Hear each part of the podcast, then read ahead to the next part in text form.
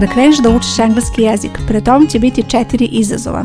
To da li ćeš uspjeti da prevaziđeš ove izazove će zapravo odlučiti da li ćeš uspjeti da ostvariš svoj cilj i da naučiš engleski jezik. U ovoj epizodi podelit ću sa tobom rješenja kako da prevaziđeš ove izazove. Moje ime je Zorana Radović, ja sam profesor engleskog jezika i osnivač online škole English Lane. Ovo što slušaš je English Lane podcast gdje pričamo o korisnim savjetima i lekcijama za učenje engleskog jezika. Kao što sam pomenula, kada kreneš da učiš engleski jezik, pre tom će biti nekoliko izazova i oni su tu da te spreče da naučiš engleski jezik, ali tvoj zadatak je da prepoznaš ove izazove i da ih uspešno savladaš, odnosno da nađeš rješenje kako da prevaziđeš takve izazove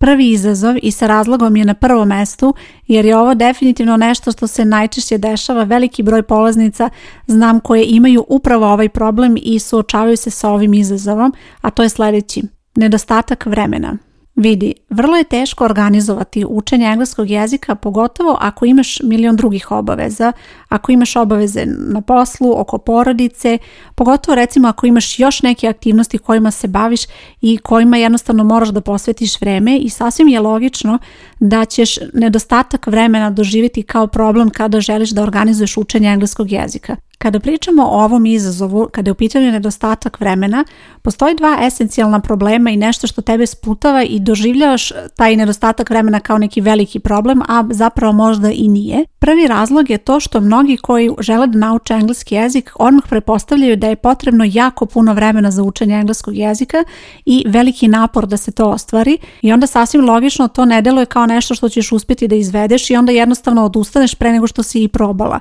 ali to nije tako jer ako razmisliš malo bolje i ako rasporediš učenje jer niko od tebe ne očekuje da naučiš engleski za nedelju dana, za dve nedelje, za mjesec dana, za tri mjeseca. Jednostavno učenje engleskog je proces koji traje i to je nešto što treba da prihvatiš i da onda pristupiš tome na takav način. Dakle, iz tog razloga niko ne očekuje od tebe da sediš ceo dan i da učiš, ne znam, 3-4 sata dnevno i da probaš da zapamtiš 50 reći od, na engleskom jednom recimo, jer to nisu realni ciljevi. I to nije nešto na što ti treba da se pripremaš i da onda unapred kažeš, e, ja neću imati vremena za to. Drugi razlog zašto se često dešava da neko kaže nemam vremena za učenje je zapravo da učenje nije prioritet u tom trenutku za tu osobu. Jer razmisli ako nešto želiš da ostvariš za sebe i ako ti je zaista stalo do toga, ti ćeš na neki način naći vreme da to uklopiš u svoj raspored, u svoje obaveze, Možda ćeš prioritizovati stvari na drugačiji način, ali ako je to nešto do čega je tebi stalo, ti ćeš naći neko vreme u toku nedelje recimo kada možeš da učiš i na taj način uspjeti da se bolje organizuješ. Kada spojiš sada ovo, znači ako uspješ da organizuješ bolje vreme i ako shvatiš da za učenje engleskog ne treba zaista toliko puno vremena koliko ti verovatno prepostavljaš da treba, onda dolazimo do toga da ti možeš to da uradiš i da je rešenje zapravo da pronađeš učenje koje tebi odgovara, učenje koje može da se uklopi u tvoj raspored i učenje koje može tebi da omogući da ti učiš, a da naravno ne zapostaviš ni druge obaveze koje imaš, da jednostavno sve uklopiš, da to sve bude zajedno deo tvoje rutine. Dakle, rešenje je u tome da nađeš način učenja koji će tebi omogućiti da u tome uspeš. Dakle, kada biraš recimo kurs ili način učenja koji ti je dostupan, biraj nešto što će moći da se uklopi u tvoje obaveze i nešto na čemu ćeš moći da radiš i da istraješ u tome u narednim mjesecima. jer kao što sam više puta rekla, učenje engleskog je dugoročna odluka i to je nešto što treba da odlučiš za sebe i da onda to nastojiš da ostvariš kroz svoje navike i da jednostavno ubaciš engleski onako u svoj život i da onda engleski postane deo onoga što ti radiš, deo tebe. I na kraju još jedan savjet ću ti dati kada je u pitanju ovaj prvi izazov. Kada pomisliš da nemaš vremena za učenje, probaj da preokreneš ovo i da postaviš sebi pitanje kako mogu da pronađem vreme za učenje. Dakle, nemoj unapred da osudiš sebe i da kažeš da nemaš vremena, već probaj da razmisliš da li postoji način da ti to ostvariš za sebe. Jer ako zaista želiš da naučiš engleski jezik, ti ćeš pronaći vreme i pronaći ćeš motivaciju da zaista i naučiš engleski jezik. Inače, snimila sam i posebnu epizodu koja se zove Kako da učiš engleski kada nemaš vremena i u toj epizodi pronaći ćeš korisne savete kako da bolje organizuješ svoje vreme i kako da rešiš takvu situaciju. Na ovoj stranici gdje slušaš podcast ostavit ću link ka toj epizodi tako da možeš da preslušaš i te savete. Ok, sada kada si prevazišla ovaj prvi izazov, uspela si da kreneš sa učenjem, da organizuješ učenje na takav način da tebi odgovara, da učiš na fleksibilan način, dolazimo do sljedećeg izazova. Pogrešan način razmišljanja može ti se desiti da ti zaista želiš da naučiš engleski jezik i zaista imaš tu želju i motivaciju, ali postoji mogućnost da imaš taj pogrešan način razmišljanja i to je nešto što će te u startu sprečiti i vrlo je bitno da od samog starta budeš svesna kakav je to pogrešan način razmišljanja i naravno kako da to izbjegneš. Taj način na koji priđeš učenju engleskog jezika je zapravo ono što definiše da li ćeš uspjeti da prevaziđeš ovaj izazov. Biće trenutaka kada ćeš možda da se zapitaš da li je učenje engleskog za tebe. Biće trenutaka kada ćeš pomisliti da je učenje engleskog teško, da recimo ti nikada nećeš uspjeti da savladaš izgovor, da je to nešto što jednostavno ne možeš da uspeš u tome. Bićeš recimo u situaciji da osjećaš kao da nazaduješ čak u nekim trenucima. Dakle, iako učiš, iako napreduješ sa kursom, imaš utisak kao da zaboravljaš sve prethodno i da jednostavno gubiš tu sigurnost ali dok god želiš zaista da naučiš engleski jezik i spremna si zaista da se tome posvetiš, onda ćeš u tome istrajati i prevazići ćeš ovakve izazove i ovi načini razmišljanja jednostavno bit će samo neka misao koja će ti proći kroz glavu, ali ćeš ubrzo shvatiti da učenje engleskog jeste za tebe i tu je rešenje ovog izazova. Rešenje je da odrediš da li je učenje engleskog jezika za tebe prioritet ili ne. Jer ako engleski jeste prioritet za tebe, ti ćeš uspjeti da prevaziđeš ove izazove jer ćeš ih biti svesna. Biće trenutaka kada ćeš možda misliti da nećeš moći to da ostvariš i da postoje te neke prepreke, ali dok god je engleski jezik za tebe prioritet i nešto u čemu želiš da istraješ, onda će ti to pomoći da prevaziđeš ovakve izazove. Samo razmisli o onim situacijama kada si možda pomislila da nemaš talenat za jezik ili da recimo ne učiš engleski jezik zato što se bojiš šta će drugi misliti, šta će misliti možda ili tvoje prijateljice ili članovi porodice, kako će gledati na to. Ono što je bitno da ponoviš u tom trenutku je da ti učiš engleski zbog sebe, da je to tvoj prioritet i nešto na čemu ti želiš da istraješ i to će ti pomoći da prevaziđeš ovakve misli koje će možda biti izazov na tom putu. Sada dolazimo do trećeg izazova, a to su pogrešni ciljevi. Sa jedne strane imamo tvoju želju da naučiš engleski jezik, a sa druge strane imamo neki cilj koji ti postaviš sebi. I vrlo često sam bila u situaciji da čujem polaznice koje kažu želim da naučim engleski jezik za toliko i toliko mjeseci. ili želim da naučim engleski jezik dok sam na odmoru ili želim da naučim engleski jezik da bih mogla da pričam na putovanjima. Iako ovi ciljevi možda deluju kao validni i nešto što će te motivisati dodatno da naučiš engleski jezik, postoji velika mogućnost da ćete upravo ovi ciljevi i sprečiti u tome, odnosno postaće izazov koji ne možeš da prevaziđeš, a evo odmah ću i objasniti zašto. Kada kreneš da učiš engleski jezik, očekuješ da tvoj uspeh u tom učenju bude onako, kao recimo da povučeš na grafikonu dijagonalnu liniju, dakle da bude onako uzlazna putanje i da sve vrijeme bude na toj uzlaznoj putanji i da na taj način kreneš od jednog starta i dođeš do cilja samo tako prateći tu pravu liniju. Ono što treba da očekuješ od učenja engleskog jezika je da će ta uzlazna linija krenuti tako kao da gubiš motivaciju, kao da si možda nešto zaboravila, gubiš sigurnost, pa ćeš onda u nekom trenutku opet krenuti uzlaznom linijom, pa ćeš onda u nekom trenutku ići ravnom linijom, ćeš osjećaj kao da ne napreduješ uopšte i tako dalje postepeno.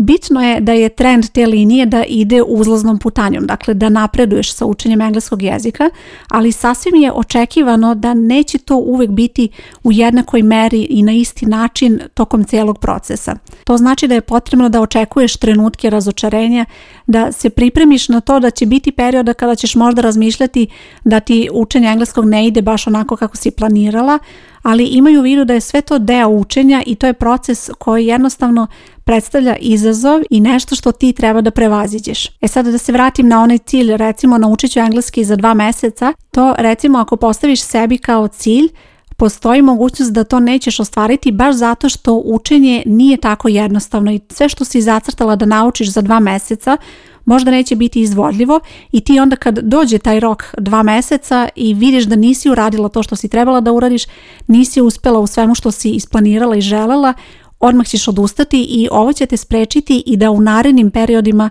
uopšte pomisliš na učenje engleskog jezika jer će to biti neki izvor nesigurnosti za tebe. Također je bitno da čak i ako uspeš da ostvariš ovaj cilj, ako recimo završiš neki kurs za dva meseca i ako si uspešna u tome, ono što se dešava je da si ti možda ostvarila taj neki cilj i završila si sa učenjem engleskog jezika i tako kažeš sebi, ali na taj način ništa nisi promenila u globalu jer u suštini nisi ništa promenila što je bitno i nisi ubacila engleski u svoj život da to postane deo tvoje rutine, da engleski postane nešto što ćeš ne samo učiti nego i koristiti, jer to je isto vrlo bitno kada je u pitanju učenja engleskog jezika. Dakle, nije dovoljno samo da naučiš neke lekcije, već je bitno da si stalno okružena engleskim jezikom, da stalno imaš priliku da koristiš engleski jezik, jer to je nešto što će ti omogućiti da tvoji rezultati pre svega budu bolji, a zatim i da budu dugoročno tu. Jer ti ako završiš neki kurs koji traje dva meseca, ti ćeš posle par meseci već krenuti da zaboravljaš i ti rezultati koje si tada imala za par meseci više neće biti validni. Ono što jeste pravi cilj je da se ti okružiš engleskim jezikom i da to prihvatiš kao neku dugoročnu odluku koju ćeš se posvetiti. Eto vidiš, iako delo je dobro postaviti ciljeve, nije ni uvek to vrlo jednostavno i, i tu vreba neka opasnost, a sada dolazimo i do četvrtog izazova kada je u pitanju učenja engleskog jezika. A to su strahovi koji te vuku nazad. Strahovi su često prepreke koje će te sputati u nekim situacijama i isto se dešava kada je u pitanju učenje engleskog jezika. Ovo se posebno odnosi na one koji prvi put uče engleski jezik pa često ne znaju šta da očekuju i strah od nepoznatog je još veći kod njih. Jednostavno nisu imali iskustvo kada je u pitanju učenja engleskog jezika, nemaju nikakvu predstavu ni e, kako će naučiti čitanje, ni kako će naučiti da pišu. Jednostavno ti strahovi mogu da budu vrlo jaki i odmah da te sputaju u startu i da jednostavno izgubiš volju i da pokušaš. Strahovi koji se najčešće javljaju su strah da ćeš nešto pogrešiti, da ćeš nešto pogrešno napisati ili reći, strah da nećeš završiti kurs. To je isto vrlo veliki strah koji imaju oni koji uče engleski jezik i naravno poslednji je zapravo ja mislim i najveći strah koji imaju svi koji uče engleski jezik, a to je strah od konverzacije. Ja sam ovaj strah namjerno stavila na posljednje mesto zato što želim odmah da se nadovežem na to i da ti pružim rešenje koje se nadovezuje na taj strah, a to je nešto što će ti pomoći da prevaziđeš i ove ostale strahove. Rešenje je sljedeće. Konverzacija je tvoj cilj kada učiš engleski jezik. Dakle, engleski učiš zbog konverzacije i to je nešto čega moraš da budeš svesna odmah u startu. Dakle, ako želiš da naučiš engleski jezik, ti želiš da naučiš da pričaš engleski jezik i to je tvoj cilj. Dakle, strah od konverzacije postoji i to je nešto što se dešava mnogima, ali je vrlo bitno da ti moraš da naučiš da prevaziđeš taj strah. To je nešto što jednostavno moraš da prihvatiš na sebe i da prihvatiš da ćeš ti morati da pričaš na engleskom i da ćeš vremenom naučiti da prevaziđeš taj strah. Počećeš tako što ćeš pričati vrlo malo, pričat ćeš neke jednostavnije rečenice i koristit ćeš samo one izraze za koje si sigurna vrlo često ćeš možda biti u situaciji da ako učestvuješ na nekom času ili u nekoj konverzaciji da pripremiš neke beleške, da pripremiš neki koncept, nešto što će tebi pomoći, ali imaju u vidu da ne smeš da bežiš od konverzacije. To je poenta mog ovog celog rešenja, dakle konverzacija mora da bude nešto na čemu ćeš raditi od samog početka, od početnog nivoa. Dakle, nemoj da bežiš od konverzacije i nemoj da je odlažeš, jer je to nešto što će ti pomoći da stvarno naučiš engleski jezik. Ali pre nego što pomisliš da su časovi konverzacije rešenje za sve tvoje probleme, imaju vidu da nisu. Bitno je da razumeš da konverzacija mora biti prisutna od početka, ali konverzacija je samo rezultat onoga što ti naučiš. Dakle, ti moraš da učiš engleski jezik bez obzira koji način učenja ćeš izabrati, da li ćeš da učiš kroz lekcije, kroz video lekcije, da li ćeš slušati neka predavanja, čitati knjige, gramatike i tako dalje, ali ti moraš da učiš engleski jezik, da učiš pravila, da učiš nove reči, da radiš vežbanja, a onda sve to zajedno ti koristiš u konverzaciji. Dakle, nije moguće da dođeš na čas konverzacije i da pričaš, a da ništa pre toga nisi naučila naravno da ćeš se osjećati zbunjeno, naravno da će biti puno straha u toj situaciji i čak i ako se odvažiš da pričaš u toj situaciji, postoji mogućnost da ćeš puno toga reći pogrešno. Zato je bitno da razumeš da prvo učiš engleski jezik, a onda vežbaš konverzaciju, ali sve to mora da bude deo tvog procesa učenja. Na taj način ćeš pomoći sebi ne samo da savladaš taj strah od konverzacije, već ćeš vrlo brzo biti u situaciji da ćeš nešto pogrešiti, pogrešit ćeš u konverzaciji i to je sasvim normalno. Ne smeš da se bojiš toga jer i to je deo procesa učenja. Sasvim je u redu da pogrešno izgovoriš neku reč, da pogrešiš neko vreme i tako dalje. Bitno je da ti vežbaš konverzaciju, ali uz to učiš i pravila koja će ti pomoći da takve greške vremenom svedeš na minimum. Još jednom je bitno da imaš u vidu da je konverzacija rezultat svega onoga što učiš i svog onog vremena koje si uložila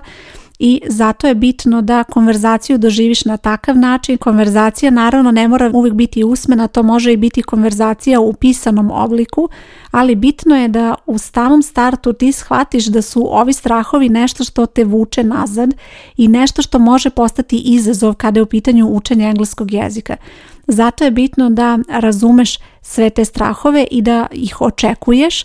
i da se pripremiš na to kako na najbolji način da ih prevaziđeš i nastaviš sa učenjem engleskog jezika. Ponovit ću još jednom sva četiri izazova, sa nekim od njih si se već susrela, a neki ćeš verovatno tek susreti uz put i zato je bitno da se pripremiš i znaš ova rešenja. Prvi izazov bio je nedostatak vremena, drugi izazov bio je pogrešan način razmišljanja,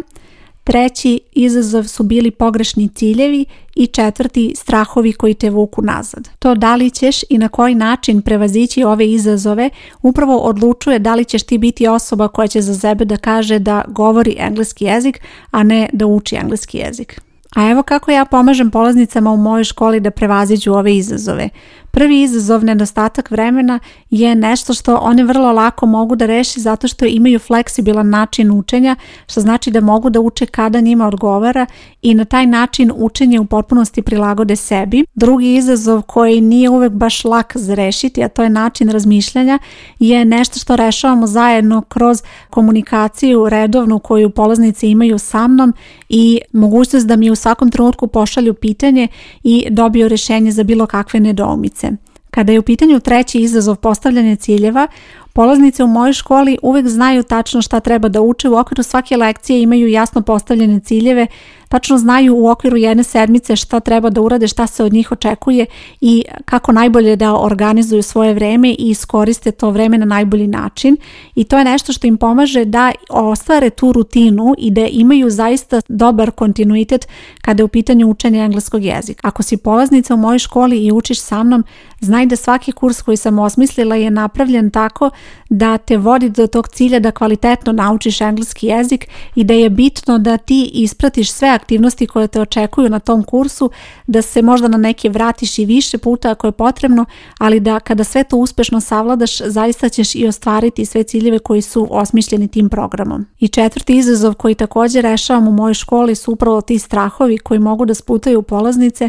ali i to je nešto na čemu radimo od samog početka i kroz sve aktivnosti koje imamo u okviru škole motivišem polaznice da se suoče sa tim strahovima i da iskuse engleski na potpuno jedan drugačiji način i da vrlo rano prihvate te strahove kao nešto što je sasvim ok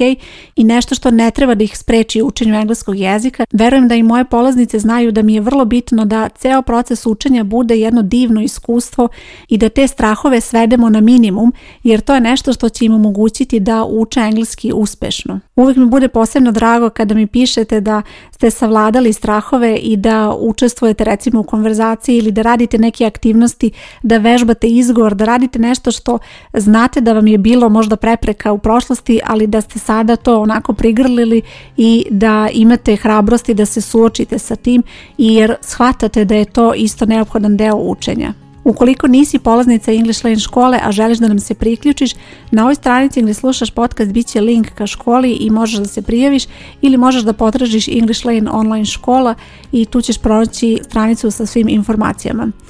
Hvala ti što slušaš podcast, ja sam Zorana Radović i čujemo se uskoro. Ćao!